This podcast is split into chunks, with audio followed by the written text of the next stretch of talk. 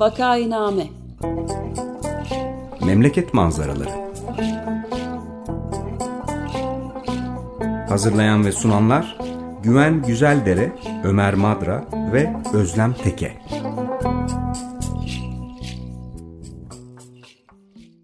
Günaydın Vakainame'ye hoş geldiniz. Burası 95 FM Açık Radyo. Vakainame'yi Ömer Madra, Özlem Teke ve ben Güven Güzeldere yapıyoruz. Göçmenlik ve mültecilik konusunda konuşmaya devam ediyoruz. Bugün konuğumuz Açık Radyo dinleyicilerinin de yakından tanıdığı bir isim Aslı Odman. Hoş geldin Aslı. Merhabalar, hoş bulduk. Merhabalar, konuğumuz Aslı Otman, Mimar Sinan Güzel Sanatlar Üniversitesi'nde öğretim görevlisi olarak çalışıyor ve İstanbul İşçi Sağlığı ve İş Güvenliği Meclisi kurucu gönüllüleri arasında yer alıyor. Yakın tarihli çalışmaları çalışma mekanlarından hareketle çevre, kent, halk ve işçi sağlığına karşı işlenen şirket ve devlet suçlarına odaklanıyor. Hoş geldiniz. Hoş bulduk Özlem, merhabalar. E, bugün Ömer Madre bizimle olamıyor, onu söyleyeyim. E, şimdi göçmenlik konusunda iki hafta önce Zeynep Saygı mesela e, Fransa'daki çalışmaları e, bazında göçmenler ve mülteciler arasında işte şiddet, aile içi şiddet, cinsel şiddet filan gibi e, konulara değinmişti. Geçen haftaki programda da Ercüment Akdeniz'le Türkiye'deki sığınmacıların, mültecilerin e, işte e, çalışma koşullarından filan bahsettik. Aslında sen bu konuların hepsini aslında çalışan, bilen bir kişisin. Türkiye bağlamında özellikle e, bize söyleyeceğin ve öğreneceğimiz çok şey de var diye düşünüyorum. Sırayla gidelim istersen anlatmak istediklerin konusunda. Evet. Ee, seve seve. Ee, şimdi İşçi Sağlığı İş Güvenliği Meclisi'nin yani en belirgin ve en periyodik yaptığı iş sık sık da bahsettik Açık Radyo'da iş cinayetleri raporları 2011'den beri düzenli olarak her ay daha sonra seneye devrediyor. Bu raporları yapıyoruz. Buna biz e, Türkiye'deki çalışma hayatının, Türkiye'deki ekonomik büyümenin, kapitalizmin nasıl derseniz deyin tomografisi diyoruz. Yani o tomografi üzerinden e, oradaki sıkışmalar, e, ortadan kalkan e, insanlar üzerinden esasında tüm bedeni görmeye çalışıyoruz. Çalışma hayatında bir uzmanlaşma değil esasında. E tabii ki 2011'den beri e, bunu yaptığımız zaman gittikçe mülteci, göçmen işçilerin e, iş cinayetlerinde e, artışı gördük ve altını çizelim bunu görebilmek esasında ancak öldükleri zaman çalıştıklarının farkına vardığımız bir kesimi görmek anlamına geliyor.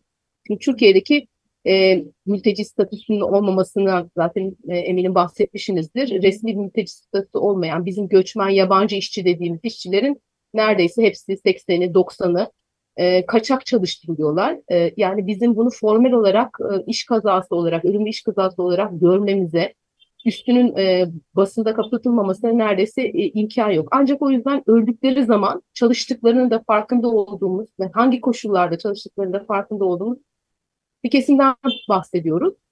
E, bilmiyorum en son e, raporun böyle kuru rapor e, sayısal insan hayatlarını sayısallaştırma amacıyla yaptığımız bir mesele değil. Onu sık sık söylüyorum yani kendimize rağmen yaptığımız e, bir iş bu. E, yaşam için, hayat için, daha iyi bir hayat için esasında biz ölü canlar e, sayıyoruz. Ve en son 2022'ye kadar yani 2013'ten 22'ye kadar e, buzdağının ucunda basına yansıyan, sosyal medyaya yansıyan e, bu göçmen mülteci iş cinayetleri e, açıklamışız. E, bunlara istikmeclisi.org sitesinden raporlar kısmından da kendi ulaşabilirsiniz. E, ne yazık ki tabii ki bu sene yine güncellememiz gerekecek. E, buzdağının ucunda gözüken e, e, Özlem ve Güven şu anda 828 işçinin, e, göçmen işçinin ölmüş olması çok belirgin bir e, kayıt altına alabilme hali var. Ölümü kayıt altına alabilme hali var. Çünkü çok herkesin gözünün önünde yollarda oluyor. Tahmin edebileceğiniz gibi bu tarım iş kolu e, ve belli zamanlara, hasat zamanlarına, çapa zamanlarına sıkışmış olarak illegal taşınma, işte kamyonlar, römorkların arkasında e, artık iskarteye çıkılması gereken minibüslerde taşınırken kitlesel aile boyu çocuklarıyla ölüm olduğu zaman bu bir trafik kazasıymış gibi basına yansıdığı için bu kitlesel ölümleri belgeliyoruz. O yüzden de e, esasında Türkiye'lilerden de farklı olmayacak bir şekilde bir numaralı ölüm e, ölüm gerçekleştiği iş kolu tarım orman ve bir numaralı neden de trafik kazası gibi gözüküyor. Çünkü bunlar kitlesel ölümler.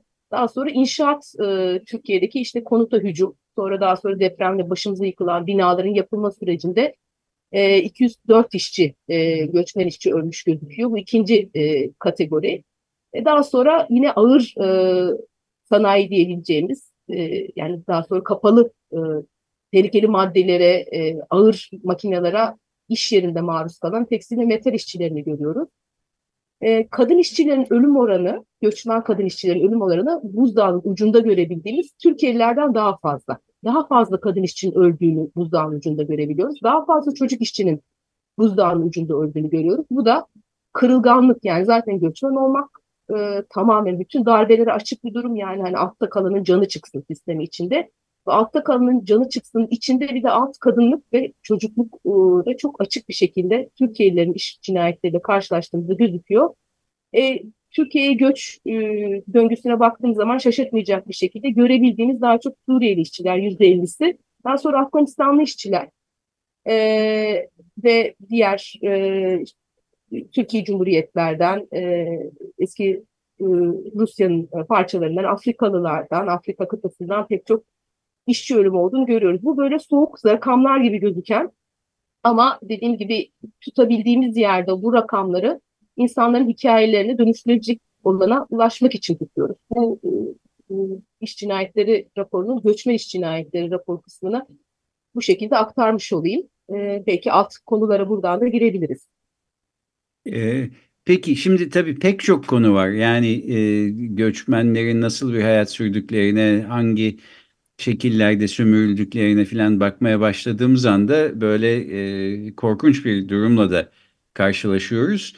E, anlatacağım başka şeyler de var. Bence e, işte böyle hepsine değinerek gidelim. Ben e, şimdi bu buzdağın ucu dedim orada göremiyoruz tabii. Koca bir arkada e, Titanic'i e, alt üst edecek bir buzdağın alt kısmı var. Görünmeyen kısmı var. E, ancak tekil böyle adli haberler gibi e, gözümüzün önüne geliyor. Mesela işte çalışma hayatıyla barınma arasındaki ilişki. Bu tüm e, milliyetlere, milletleri mensup olanlar için bir sorun esasında. Çalışma hayatı çalışma hayatında bitmiyor. Nasıl bir konutta yaşadığında yani kendini yeniden üretebilip üretebileceğin, ısınıp ısınmadığın, ne yediğin bütün bunlar çalışma hayatının parçası. Ama göçmenlerde tabii ki çok daha yoğun görürüz. Çünkü e, biraz önce bahsettik kaçak işçilik çok yoğun. Bunu rakamlarla da birazcık desteklemem lazım. Yani o, o kadar büyük bir e, fark var ki, uçurum var ki. E, tekrar bir teyit ettim. En son Çalışma Bakanlığı 2022'de çalışma izni sayılarını e, açıklamış. Burada bütün Türkiye'de e, yabancıların çalışmak için alması gereken yani Türk sigortası çalıştırma anayasaya aykırı bir şey. Herkes için burada vatandaşlık e, vatandaş olmayan diye bir ayrım yok. Sigortasız çalıştırma yasak dünyanın tüm ülkelerinde. O yüzden çalışmanın tek formal şeyi Türkiye'de çalışma izni almak bir yabancı için. Toplam yaklaşık 150 bin civarında çalışma izni verilmiş. Yani bunların içerisinde işte ne bir fabrikaların üst düzey yöneticileri, işte yabancı okullarda çalışan hocalar vesaire gibi ülkeler arası ilişkilerle veya şirketler arası formal ilişkilerle gelenler falan da var etrafta. Onların da olduğunu düşünün. Yani onları elediğimiz zaman hani diplomatlar, e, diplomatik e, çalışma izni, şirketler, şunlar bunlar veya eğitimle ilgili şeyler elediğimizde yaklaşık 100 bin. Türkiye'de 5, 6, 7 milyon e, göçmen ve mülteci var. En az 3-3,5 milyon Suriyeli geçici koruma altında insan var ve en zor durumda savaştan kaçarak gelenler eğer küçük bir sermaye sahip değillerse işte esnaf vesaire gibi kendi hesabına çalışmıyorlarsa çalışmak zorundalar. Yani bu 100, bin, 100 bin üstündeki milyonlar, milyonlar nerede? Kaçak çalıştırılıyorlar. Biz bunu iş cinayetleri raporlarında özellikle de çocuk iş cinayetleri raporuna baktığımız zaman her iş cinayetleri raporumuz ayrıca bir göçmen mi yani Türkiye vatandaşı mı değil mi ayrımı var. O yüzden her ayda esasında bu dokuyu görebiliyorsunuz. Belgeleyebildiğimiz en küçük yaştaki çocuk ölümleri çoğu zaman mülteci ölümleri olur. 5 yaşa kadar 5 yaşa kadar inmek zorunda kaldık. Ee, yani Haliç'te mendil satarken Haliç'e düşüp çocuk öldü bu ülkede. Suriyeli çocuk işçi e, öldü. Yani bu şekilde e, ölümlerden bahsediyoruz çalışırken ölüyor. Yani tamamen kaçak çalıştırılan bir işçi kesimi tabii ki barınma açısından da e, özellikle kaçakçıların ilk dönemde hem çalıştırılıp hem de kapatılarak çalıştırılma e, süreci var. Nasıl bilebiliyoruz? Bunları vakalarla biliyoruz. Bir mücadele alanı olmadığı için şu anda. Göçmenlerin kendi özünden gelen, yani göçmenlerin öz örgütlenmesi için biraz erken geliş şekilleri, zorlu e, bir e, himaye e, ve tutelaj var üzerinde işte din birliği üzerinden geldi vesaire bütün siyasi döngülerden geçiyor. Üstün nedeni olabilir. Bir öz örgütlülüğü çalışma veya diğer alanlarda çok güçlü değil. İkincisini söyleyeyim tabii sendikaların bir göçmen politikası yok. Bütün bunların sonucunda gerçekten barınırken üstüne kitlenen, işte kaldığı hanın, kaldığı e, bekar odasını 20-30 insanın tıkıştırdığı bekar odası üstüne işte camların üstüne demir e, şeyler kaplanarak, demirler kaplanarak çıkaması, pencereler kapatıp evin üstünde kitlenerek çalıştılar insanlar.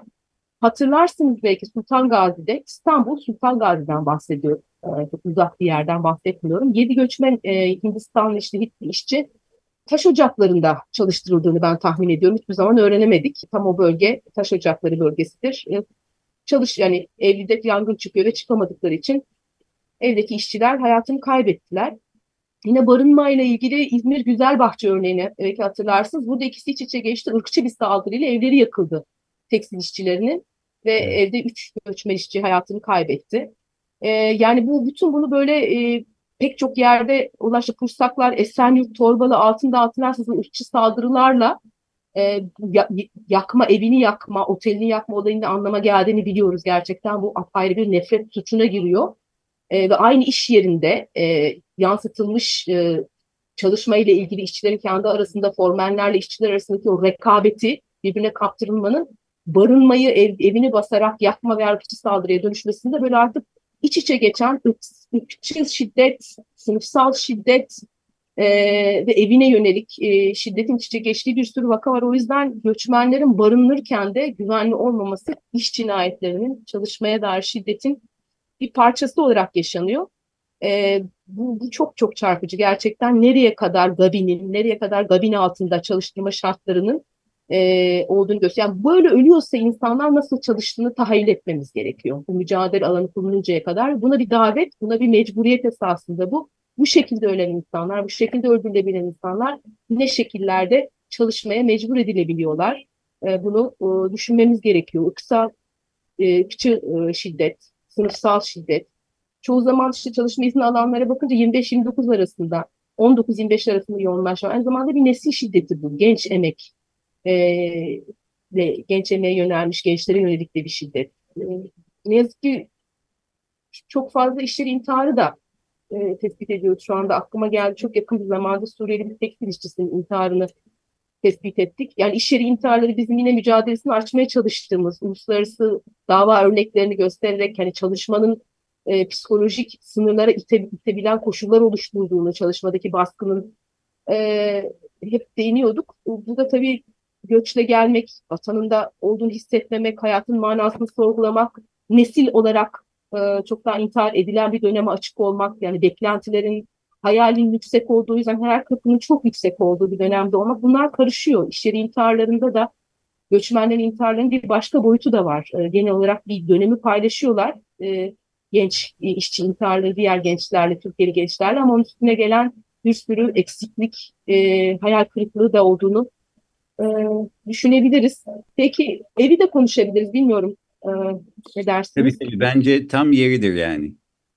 E, evet barınma demişken bir de hani e, kapatılma e, birkaç bir sürü insanın bir yere kapatılması, güvencesiz yaşam var. Bir de özellikle evde çalışsın diye getirilen özel cinsiyetlendirilmiş bir emek türü var ki ev e, içinde çalışma. Bunun en korkunç formlarını e, petrodolarla e, yani bütün bütün hizmet sektörünün göçmenler tarafından karşılandığı petrodolarlı ülkelerde görüyoruz. İşte Katar'da, Birleşik Arap Emirlikleri'nde, Suudi Arabistan'da böyle büyük eventler için e, inşaatlar olunca Katar hatırlarsanız 10 bin işçinin öldüğü e, açıklandı. Daha sonra Katar'a bu, ben onları karıştırıyorum. UEFA mıydı neydi ben futbolla ilgili bir şeydi sanırım. Büyük bir event yani o prestij eventlerinden biri yapıldıydı Katar'da ve 10 bin işçi e, yaklaşık hayatını kaybetti çoğu e, Hindistan, Bangladeş'ten gelen. E, bu e, bu tarz bu gibi yerlerde her tür yani inşaattan işte hizmetçilik şuna kadar her şey göçmenler tarafından petrol yapılır ama burası bir petrol ülkesi değil ama yine kutuplaşmış bakım emeği sosyal devlet tarafından karşılanmayan, e, kadınlara yüklenen ve e, gittikçe daha fazla göçmenlere yüklenen bir ülke burası.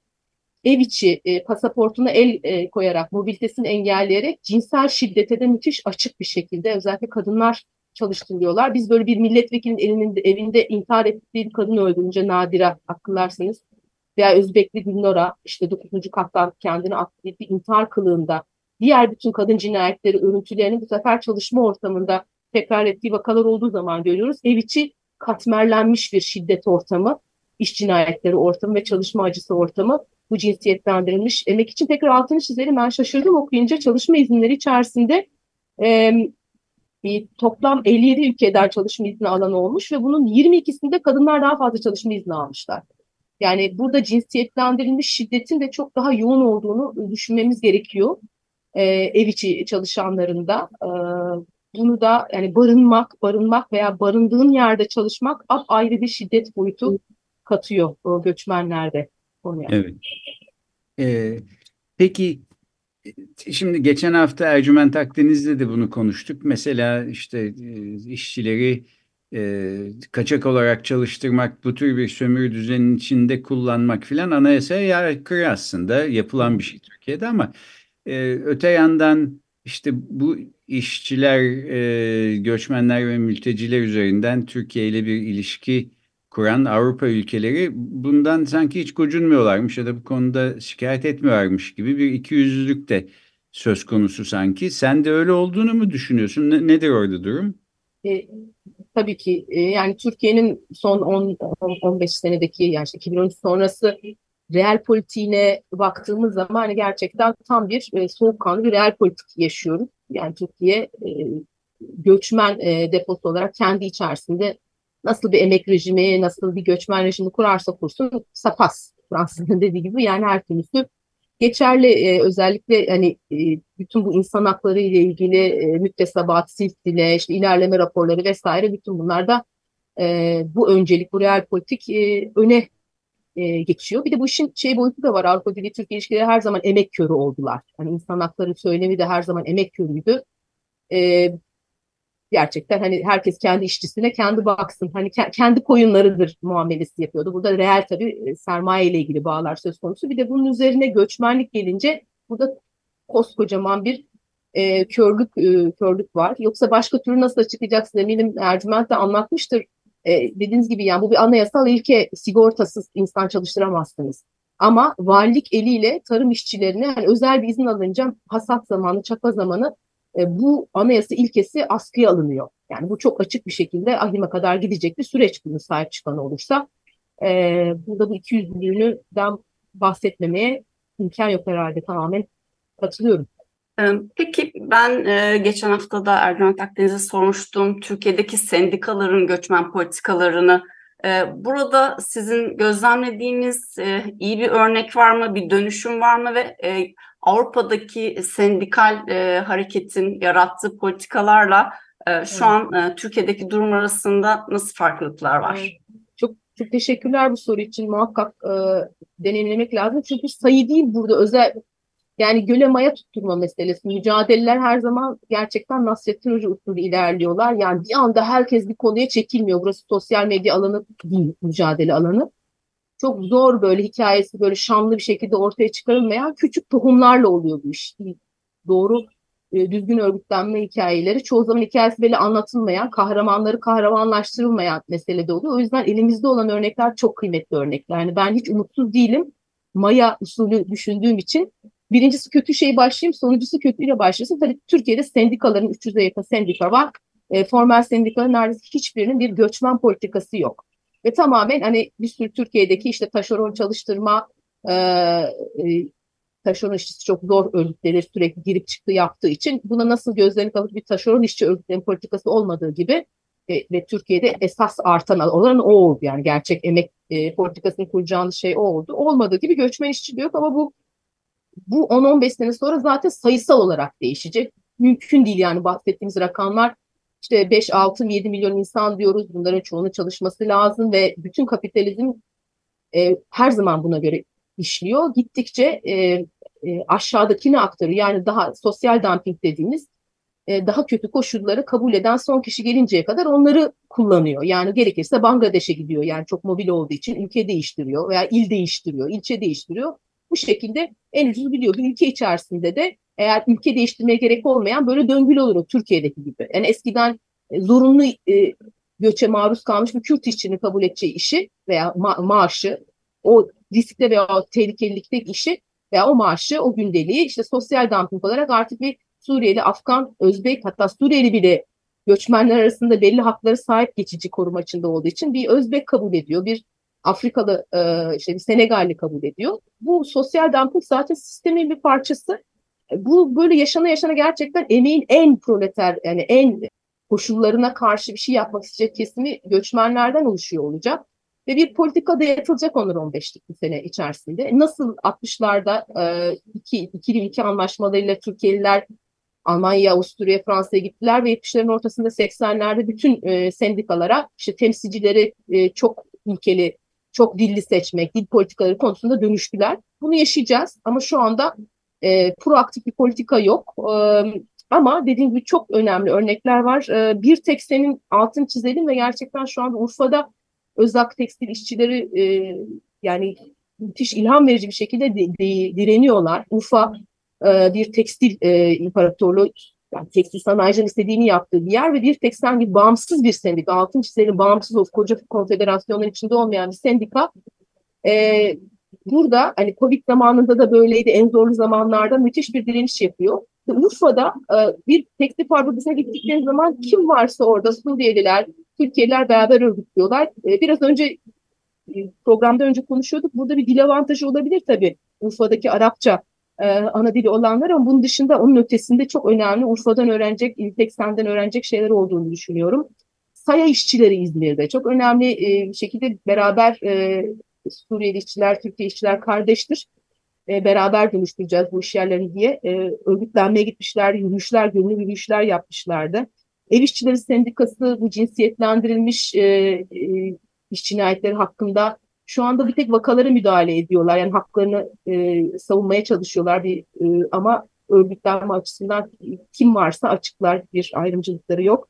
Enerji seni de gittikçe fazla görebiliyoruz. Yani çoğunun e, ayrıksı ufak ve bağımsız sendikalar olduğunu görüyoruz. Bir platform gibi işleyen ve çok kıymetli, çok kıymetli örnekler bunlar. Ne kadar altın çizsek olmaz. Buradan da bir tek sende sürekli e, jandarma şiddetin her türlü yani Urfa'da olabilecek her türlü şiddete karşı çıkarak direnen e, işçilere selam etmek istiyorum. Güzel örnekleri muhakkak altını çizmek gerekiyor.